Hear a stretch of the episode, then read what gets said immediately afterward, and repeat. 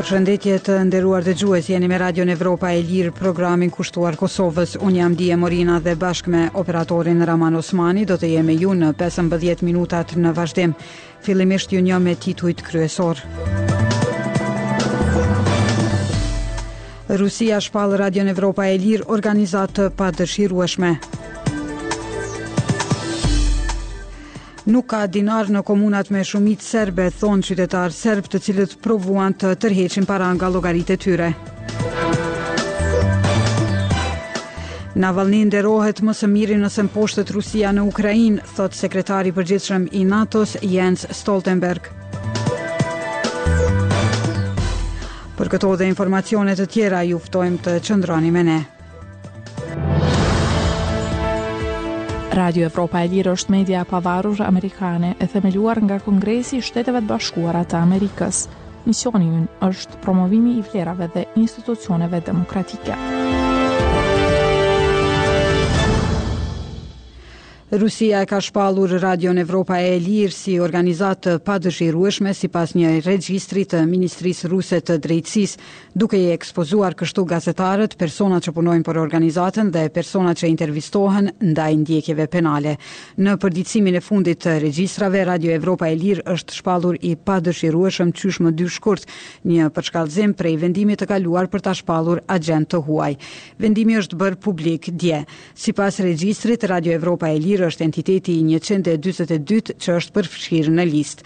Presidenti i Radios Evropa e Lirë, Steven Kapus, ka thënë se ky vendim përbën shembullin e fundit se si qeveria ruse e sheh raportimin e vërtetë si kërcënim ekzistencial.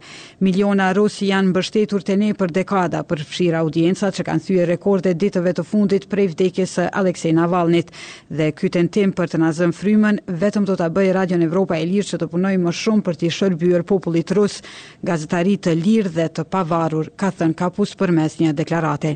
Ligji për organizatat e padëshirueshme është miratuar më dy mijë e pesëmbëdhjetë dhe është përkrahur prej Kremlinit për të rregulluar organizatat joqeveritare që pranojnë fonde prej jashtë. Ky ligj prek organizatat, aktivitetet e të cilave sipas autoriteteve ruse Përbëjnë kërcënim për themelet e strukturës kushtetuese të shtetit, për sigurinë dhe mbrojtjen.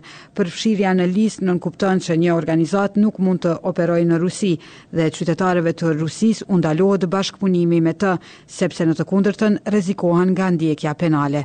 Sipas Komitetit për Mbrojtje të Gazetarëve, autoritetet ruse kanë shpallur dhjetra organizata mediale si të padëshirueshme prej vitit dy mijë e njëzet e një. Aty përfshihen edhe shumë media të pavarura, disa prej të cilave tani ose janë mbyllur, ose veprojnë jashtë Rusisë, përfshirë Dozhd TV, Meduza, Novaja Gazeta Europe, iStories, The Insider, Bellingcat dhe Projekt. Radio Evropa e Lirë është korporatë e pavarur amerikane e financuar prej Kongresit amerikan përmes Agjencisë së SHBA-së për Media Globale.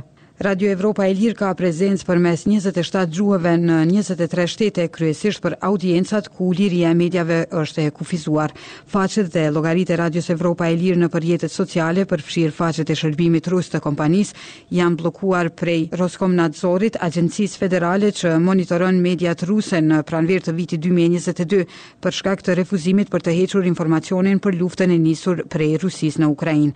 Pavarësisht bllokadave, interesimi i audiencës për informacionin që ofron Radio Evropa e Lirë dhe Current Time, televizion i krijuar prej Radios Evropa e Lirë dhe Zërit të Amerikës, vazhdon të jetë i madh, pasi kompania regjistron miliona klikime nëpër faqet e saj në internet dhe në platformat e tjera që ka. Shkarkoni aplikacionin e Radios Evropa e Lirë në App Store dhe Google Play. Serbët e Kosovës nuk kanë mundur të marrin pagat, pensionet e as ndihmat sociale që vijnë nga shteti serb, pasi që degët e postës së Serbisë në komunat e banuara me shumicë serbe nuk kanë dinarë. Mungesa e dinarëve ndodh pasi autoritetet e Kosovës më 13 shkurt ndaluan për herë të dytë hyrjen e tyre, me arsyetimin se për këtë çështje vendos Banka Qendrore e Kosovës. Posta e Serbisë dhe Banka Popullore e Serbisë, por as Qeveria e Kosovës nuk janë përgjigjur lidhur me zgjidhjen e mundshme të kësaj situate. Arton Konushevci ka përgatitur për transmetim raportin e gazetares sonë Sandra Cvetkoviq. Mjediset me shumicë serbe në Kosovë po mbeten pa dinarë kështu të paktën thanë disa qytetarë në jug dhe në veri të lumit Ibër të cilët provuan të tërheqin paratë nga llogaritë e tyre të martën. Institucionet si në Kosovë ashtu dhe në Serbi heshtin. Mira nga Graçanica, komunë me shumicë serbe afër Prishtinës nuk arriti të merrte ndihmën sociale dhe shtesat për fëmijë sepse punonjësit në postë i thanë se nuk ka para. Kjo zyrë postare punon nën sistemin e Serbisë dhe aty mund të tërhiqen të ardhurat në dinarë të cilat ndahen nga buxheti i Serbisë. Nuk kam marrë asgjë, kam ardhur t'i marr të ardhurat, por nuk m'i kanë dhënë. Çfarë të bëj tani? thotë Mira për Radion Evropa e Lirë dhe tregon se jetesa e familjes së saj varet prej këtyre parave. Ndihma sociale nga sistemi serb arrin rreth njëmbëdhjetë mijë dinarë ose njëqind euro, për një anëtar të familjes. Mira tha se nuk merr asnjë kompensim financiar nga buxheti i Kosovës dhe shpreson që çështja e përdorimit të dinarit në Kosovë të zgjidhet së shpejti. Mungesa e dinarëve në Graçanicë ndodh pasi autoritetet e Kosovës më trembëdhjetë shkurt ndaluan për herë të dytë hyrjen e tyre me arsyetimin se për këtë çështje vendos Banka Qendrore e Kosovës. Ndryshe më një shkurt hyri në fuqi rregullorja e BQK-së e cila përcakton se euroja është valuta e vetme për pagesat me para të gatshme në Kosovë dhe për transaksionet e pagesave. Me këtë rregullore është ndaluar dhe dinari sërb i cili deri më tash ka qarkulluar në mjediset me shumicë sërbe në Kosovë, sepse qytetarët serbë në këtë valutë kanë pranuar pagesa të ndryshme nga buxheti i Serbisë, rroga, pensione, ndihma sociale, shtesa për fëmijë e të tjera. Punëtorët e Postës në Mitrovicë të Veriut u thanë po ashtu klientëve të tyre se nuk kanë para për pagesa, konfirmon për Radion Evropa e Lirë, Radmila një tjetër përfituese e ndihmës sociale nga sistemi i Serbisë. Megjithatë, ajo arriti t'i tërheqë paratë nga kursimorja e Postës së Serbisë, e cila gjithashtu Funksionon nën sistemin serb dhe aktualisht është banka e vetme në Kosovë që operon me dinar. Mua më duhen paratë për insulinë, për barna. Shkoj në postë dhe nuk ka para për ndihmë sociale që marr. Por, këtu, në kursimoren e postës, arrita t'i tërheq paratë, për fat të mirë, thotë Radmila. Në kursimoren e Postës së Mitrovicës së Veriut, Gorica mori vetëm shtesat për fëmijë në vlerë prej rreth dhjetë mijë dinarësh ose nëntëdhjetë euro. Më thanë të vij nesër në mëngjes për të marrë ndihmën sociale, tha Gorica. Ajo druan se në të ardhmen do t'i duhej të shkonte në Rashkë të Serbisë për t'i marrë përfitimet që i takojnë. Te kursimorja e Postës, ekipi i Radios Evropa e Lirë takoi të martën edhe Aleksandrin, i cili kishte shkuar për të marrë rrogën. Sipas tij, punonjësit e kursimores së Postës i informuan klientët e tyre se mund t'i tërheqin dhjetë mijë dinarë apo njëqind euro gjatë ditës. Do të shohim se si do të shkojë, thotë ai. Radio Evropa e Lirë pyeti kursimoren e Postës nëse pagesat në Kosovë bëhen edhe në euro dhe nëse pagesat janë të kufizuara në një shumë të caktuar parash, por nuk mori përgjigje. Më herët presidenti i Serbisë Aleksandër Vuçiq tha se punëtorët e shëndetësisë dhe të arsimit i marrin pagat në dy pjesë përkatësisht më gjashtë dhe njëzet e një të muajit. Përveç institucioneve arsimore dhe shëndetësore, në mjediset me shumicë serbe në Kosovë funksionojnë edhe institucionet e tjera të Serbisë, punëtorët e të cilëve paguhen po ashtu me dinarë. Një prej tyre është edhe Dragana nga Graçanica e cila siç thotë do të shkojë në Serbi për ta marrë rrogën e saj. Kur më duhet, shkoj atje, në Serbi. Nuk mund ta tërheq këtu sepse rrogën e marr përmes kursimores së postës dhe nuk ka dinarë. Herë shkoj në Kralevë, herë në kufi, në Jarinë, gjendet kursimorja e postës, thotë Dragana për Radion Evropa e Lirë. Radio Evropa e Lirë pyeti Postën e Serbisë, Kursimoren e Postës dhe Bankën Popullore të Serbisë se si do të zgjidhet problemi i mungesës së dinarëve në Kosovë, por nuk mori përgjigje. As Qeveria e Kosovës nuk iu përgjigj pyetjes së Radios Evropa e Lirë nëse periudha e ashtuquajtur e tranzicionit parasheh pagesën e përfitimeve financiare nga buxheti i Serbisë në dinarë. Prishtina zyrtare këmbëngul në një komunikim të drejtpërdrejtë me institucionet përgjegjëse të Serbisë për të gjetur një zgjidhje sa i përket pagesës së përfitimeve monetare nga buxheti i Serbisë, por Beogradi zyrtar refuzon dhe kërkon që çështja të ngritet në kuadër të dialogut për normalizimin e marrëdhënieve mes dy vendeve që ndërmjetësohet nga Bashkimi Evropian. Banka Qendrore e Kosovës njoftoi më dymbëdhjetë shkurt se faza e tranzicionit për zbatimin e rregullores së saj nuk mund të zgjasë më shumë se tre muaj. Në vazhdim, kronika nga bota.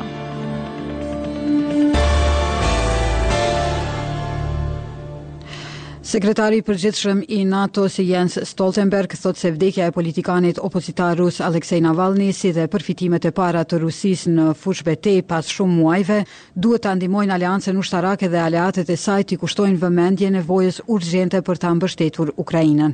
Gjatë një interviste me Radion Evropa e Lirë dje në Bruksel, shefi i NATO-s tha se tërheqja e forcave ukrainase nga qyteti i Avdiivkës pas shumë muajve luftimesh, dëshmon nevojën për më shumë ndihma ushtarake për t'u siguruar se Rusia nuk fiton më shumë territor. Vdekja e Navalnyt në një burg në Arktik të premten më gjashtëmbëdhjetë shkurt, nën rrethana të dyshimta, e rrit nevojën për t'u siguruar që sundimi autoritar i presidentit të Rusisë, Vladimir Putin, nuk kalon pa u kontrolluar. Unë besoj fuqishëm se mënyra më e mirë për ta nderuar kujtimin e Alexei Navalnyt është të sigurohemi se presidenti Putin nuk fiton në fushëbetejë, por që Ukraina të triumfojë, ka thënë Stoltenberg. Aleatët e Ukrainës kanë punuar për një pako prej gjashtëdhjetë e një miliardë dollarësh ndihmë ushtarake amerikane, tha Stoltenberg, por derisa kjo pako ka ngecur në Dhomën e Përfaqësuesve, vendet e tjera, përfshirë Suedinë, Kanadanë dhe Japoninë, e kanë rritur mbështetjen për Ukrainën. I pyetur se kur do të jenë në gjendje t'i përdorë avionët luftarakë F-gjashtëmbëdhjetë Ukraina, Stoltenberg tha se nuk mund ta thotë tani. Ai e përsëriti se të gjithë aleatët e Ukrainës duan që avionët luftarakë të jenë në dorën e saj sa më shpejt që është e mundur, por shtoi se ndikimi i tyre do të jetë më i fortë nëse pilotët janë të trajnuar mirë dhe nëse ekuipazhi dhe personeli mbështetës i tyre janë të përgatitur mirë. Pra, mendoj se duhet t'i dëgjojmë ekspertët ushtarakë se kur saktësisht do të jemi ne të gatshëm, apo se kur aleatët do të jenë të gatshëm të fillojnë t'ia dërgojnë Ukrainës avionet F-gjashtëmbëdhjetë, shtoi ai. Sa më parë, aq më mirë, ka theksuar Stoltenberg. Ukraina vazhdimisht ka kërkuar avionë luftarakë F-gjashtëmbëdhjetë të prodhuar nga SHBA-ja për ta luftuar superioritetin rus në ajër. Shtetet e Bashkuara i dhanë leje në gusht Danimarkës dhe Holandës për t'i dërguar Ukrainës avionë luftarakë F-gjashtëmbëdhjetë, sapo pilotët ukrainas ta mbarojnë trajnimin. Secili vend do të vendosë vetë se a do t'i dërgojë apo jo avionët luftarakë F-16 Ukrainës dhe aleatët kanë politika të ndryshme, tha Stoltenberg. Por njëkohësisht lufta në Ukrainë është luftë prej agresori, nënvizoi ai dhe Ukraina ka të drejtë të vetëmbrohet, përfshirë duke i goditur caqet ushtarake ruse jashtë Ukrainës. I pyetur për mundësinë që ish-presidenti Donald Trump të kthehet në Shtëpinë e Bardhë, Stoltenberg tha se beson se pavarësisht rezultatit në zgjedhjet presidenciale në SHBA këtë vit, Shtetet e Bashkuara do të mbesin aleatë të përkushtuar të NATO-s, sepse kjo është në interes të sigurisë së vetë Shteteve të Bashkuara. Trump, i cili është lider në garën për t'u nominuar për president nga Partia Republikane, nxiti kritika të ashpra nga presidenti Joe Biden, liderët evropianë dhe NATO-ja pasi tha më dhjetë shkurt se Shtetet e Bashkuara mund të mos i mbrojnë anëtarët e aleancës ushtarake nga pushtimi i mundshëm rus, nëse ato nuk paguajnë mjaftueshëm para për mbrojtjen e vet. Stoltenberg tha se Shtetet e Bashkuara janë më të sigurta dhe më të fuqishme me më shumë se tridhjetë aleatë, diçka që i mungon edhe Kinës edhe Rusisë. Tre civilë janë vrarë dhe trembëdhjetë të tjerë janë plagosur nga granatimet ruse në tri rajone lindore të Ukrainës, thanë autoritetet vendore sot. Një person u vra në Kramatorsk, në rajonin e Donetskut, derisa tetë të tjerë u plagosën, tha guvernatori rajonal Vadim Filashkin. Në rajonin e Harkivit, dy bujq u vranë në vend kur vetura e tyre u godit në fshatin e Petropavlivkës, në rrethinën e Kupjanskit, derisa një grua u plagos, tha guvernatori rajonal Ole Sinjehubov. Së paku 45.123 ushtarë rusë janë vrarë prej se Moska e nisi pushtimin e Ukrainës para gati dy vjetëve. Si pas një hulumtimi nga media zona dhe shërbimi rusi BBC-s, të cilët i kanë identifikuar ushtarët e vdekur. Dy e treta e të gjithë të vrarëve të konfirmuar, vullnetarë, rekrutë, ish-të burgosur dhe luftëtarë nga kompanitë ushtarake private, nuk kishin lidhje me ushtrinë para se të niste pushtimi, ka gjetur hulumtimi. Këtu përfshihen pesë mijë e katërqind e gjashtë ushtarë të mobilizuar, tetëdhjetë për qind e të cilëve u vranë në vitin e dytë të luftës. Gazetarët i kanë identifikuar njëzet e shtatë mijë e nëntëqind e gjashtë ushtarë rusë të vrarë vitin e kaluar, pesëdhjetë e shtatë për qind më shumë se humbjet e konfirmuara në vitin e parë të pushtimit.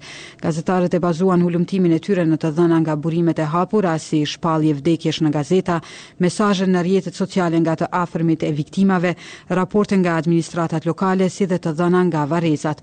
Hulumtuesit thonë se numri i vërtetë mund të jetë së paku dy herë më i lartë.